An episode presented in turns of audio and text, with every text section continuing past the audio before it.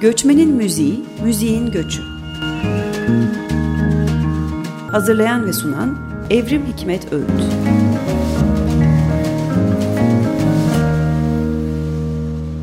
Sevgili Açık Radyo dinleyicileri. Göçmenin Müziği, Müziğin Göçü programında yeni yayın döneminde birlikteyiz. Ee, bu yayın döneminde göç ve müzik ilişkisini biraz daha geniş bir çerçeveye de yaymaya çalışarak hem çok sesli batı müziğinden hem popüler müzikten bazı örnekleri de dahil edeceğiz e, programlara. Bugün de e, çok sesli batı müziğinden bir örneği konuşmak üzere, Stravinsky'yi konuşmak üzere Sungu Okan'la birlikteyiz. Sungu Okan e, etnomüzikolog, akademisyen ve radyo programcısı. E, Açık Radyo'da da uzun yıllar program radyo programları yapmıştı. Hoş geldin Sungu. Merhaba, hoş bulduk. Ee, bugün Sungu Okan'la Stravinsky'nin müziğini konuşacağız ama asıl odamızda e, göçün Stravinsky'nin müziğine etkisi olacak. Yani onun müziğini, bestecinin müziğini, müzik dilini e, önce Avrupa'ya daha sonra e, Amerika Birleşik Devletleri'ne göçün nasıl dönüştürdüğünü konuşacağız. Özellikle de bale müzikleri üzerinden. Sungu biraz hikayeyi bir çizelim mi? Öyküyü ilk önce bir özetleyelim mi? Stravinsky nereden nereye hangi tarihlerde göç ediyor? Ee, Stravinsky göç eden bir besteci evet 1882-1971 yılları arasında yaşamış ve e, ana vatanı Rusya'dan St. Petersburg'dan doğduğu şehirden e, önce savaş sebebiyle Birinci Dünya Savaşı öncesi ortam sebebiyle önce e, Avrupa'ya önce daha doğrusu bugün Ukrayna içerisinde olan Ustilug'a geliyor. Kısa bir süre orada kaldıktan sonra e, Paris'e geçiyor. Paris yıllarından sonra şimdi sadece şehirlerden bahsediyorum. Böyle bir harita gözümüzün önüne gelsin diye.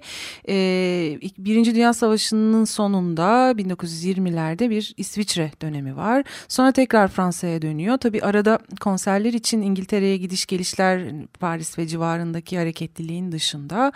Ee, 1900 ee, 1930'larda 30'ların sonunda ise e, Fransa'dan gemiyle Amerika'ya hareket ediyor. Amerika'ya önce New York'a daha sonra da ömrünün en uzun dönemini geçirdiği Los Angeles'a hareket ediyor. 29 yılda Los Angeles'ta kalıyor. E, Amerika'ya gidişinin sebebi İkinci Dünya Savaşı. Evet. E, aslında e, daha önce konuşmuştuk seninle e, biyografi yazarları özellikle bir sürgün olarak anıyorlar Stravinsky'yi göçmenden ziyade değil mi?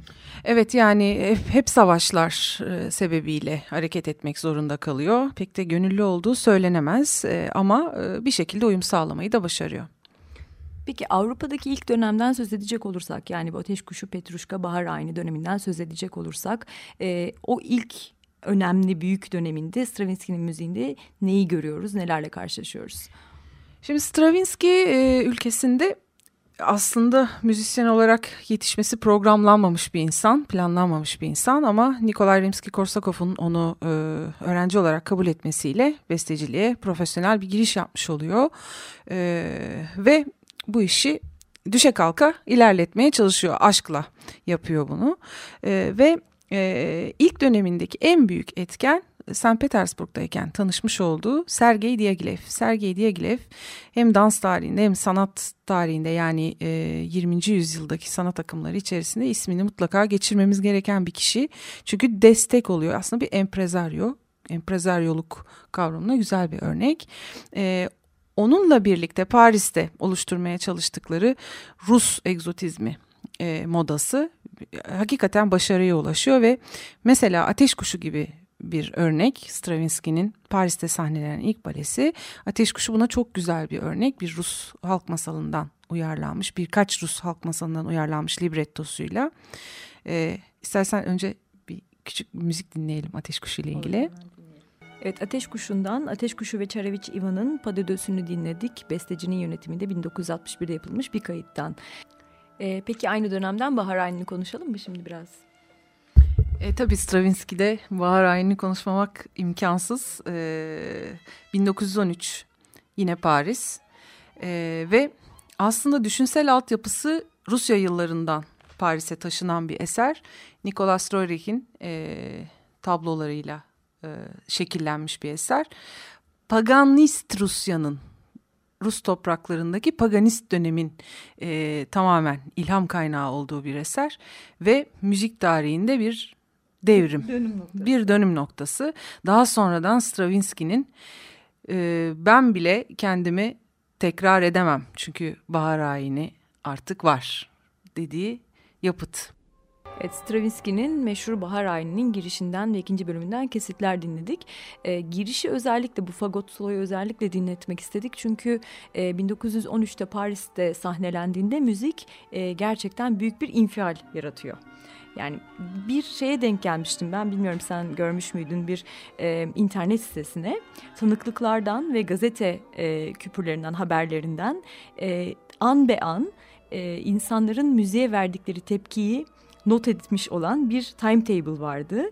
Yani müziği dinlerken bir yandan da işte mesela fagot solo başlıyor. İşte birkaç saniye sonra yavaş yavaş artık insanlar huzursuzlanmaya başlıyorlar. Hı. İşte bileyim ikinci dakikada ne tepki gelmiş, üçüncü dakikada kim kalkıp gitmiş filan. Böyle bunu çok güzel e, bir şeye çerçeve timetable'a oturtmuş bir internet sitesine e, denk gelmiştim. Çünkü hakikaten çok e, şey bir e, icra yani çok bilinen e, tartışmalı bir icra ama bir o kadar da kalıcı oluyor e, bahar ayini. Yani tabii e, Bahar Ayini'nin o kadar o gece çarpıcı olmasının sebeplerinden biri de Vaslav Nijinsky'nin e, çok değişik, çok sıra dışı koreografisi ama şunu söylemek lazım e, diğer döneme geçmeden önce. E, gecenin sonunda şu biliniyor ki e, Sergei Diaghilev tam istediğim şey oldu diyor. Tam bunu bekliyordum.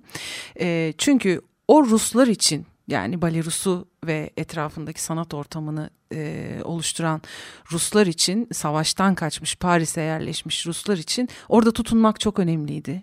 Onlar e, göç ediyorlardı ana vatanlarından uzaklardı ve yine de bir şekilde oraya tutunarak e, kendilerine saygı gösterilmesini bekliyorlardı bence. Çünkü Rusya zor durumdaydı.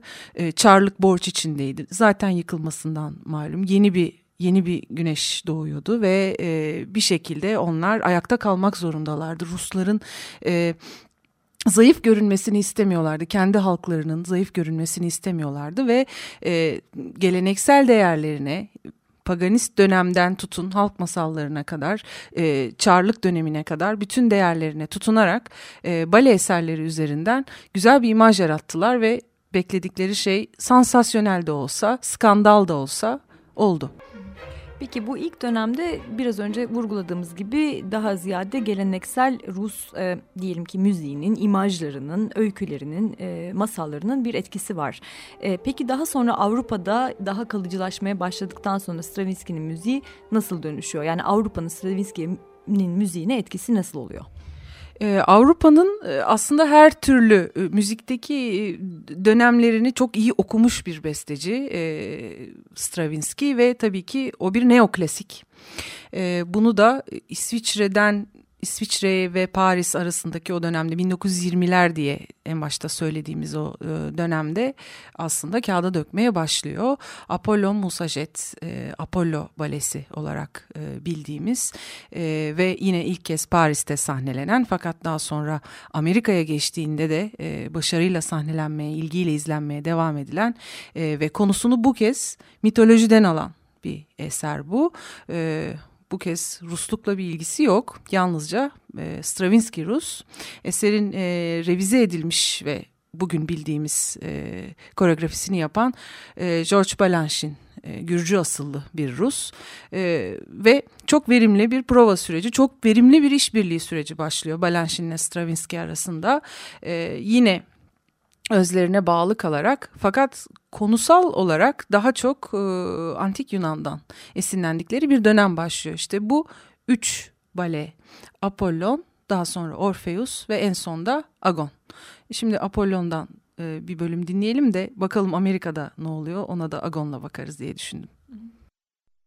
Evet Apollon Balesi'nin girişini dinledik Stravinsky'den.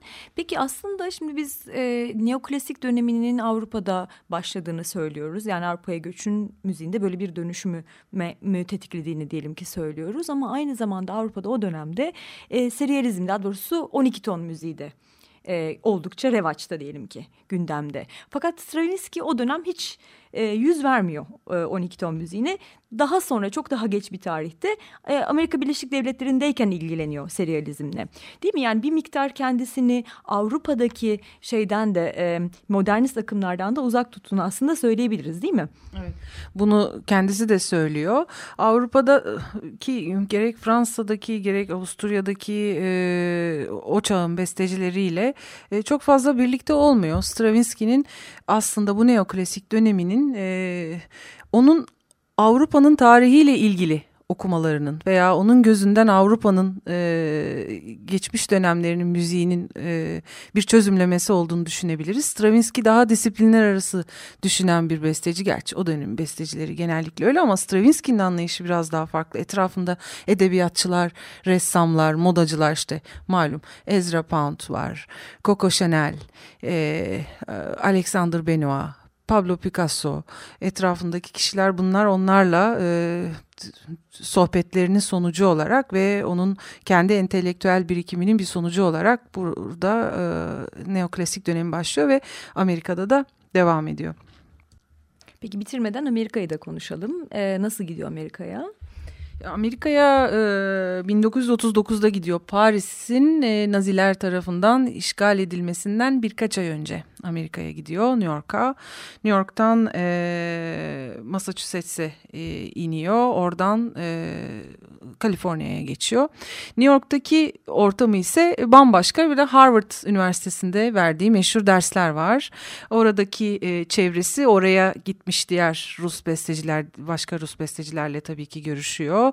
E, aynı zamanda oraya gitmiş diğer e, işte bizim bu serialistler, Avrupa'nın diğer modernistleri, savaştan kaçan bir sürü değerli insan e, Los Angeles'ta e, bir araya geliyorlar. E, Walt Disney mesela bahar ayinini e, ünlü fantazyasında e, kullanarak Amerika'ya birdenbire farklı bir e, sanat üzerinden bahar ayinini tanıtmış oluyor. E, ve e, burası aslında depresif Burası ilk ilk etapta çok depresif. Tam işte burada göçün etkilerini belki de görüyoruz. Çünkü Avrupa'nın içinde gezmek başka başka bir kıtaya gitmek, daha da uzaklaşmak, geri dönme fikrinden de uzaklaşmak başka. Yaşı 57 e, dediğim gibi oldukça artık olgunluk döneminde ve e, buradaki uyum süreci onun için zor. E, ve yeni açılımlar, bestecilikte tükendiğini düşündüğü bir dönem var ve ardından yeni açılımlar geliyor. İşte Agon Balesi de yine bir bale, buna güzel bir örnek. Orada e, neoklasizmle birlikte serializm de kullanıyor işte o dışında durduğu akımın içine giriyor. Hatta Agon'u yazmaya başlamadan önce e, Arnold Schönberg'in e, kendisi büyük bir Webern hayranı bu arada. E, Arnold Schönberg'in eşine gidip tıkandım ne yapacağımı bilmiyorum dediğini. Ondan sonra serial tekniği kullanmaya başladığını. Daha önce denemeleri var ama hani e, ilk olarak e, burada gün yüzüne çıkardığını biliyoruz. O halde Agon'dan da bir kesit dinleyip programı sonlandıralım. Ee, çok teşekkürler Sungu katıldığın için programa. Ben teşekkür ederim. Çok çok teşekkürler.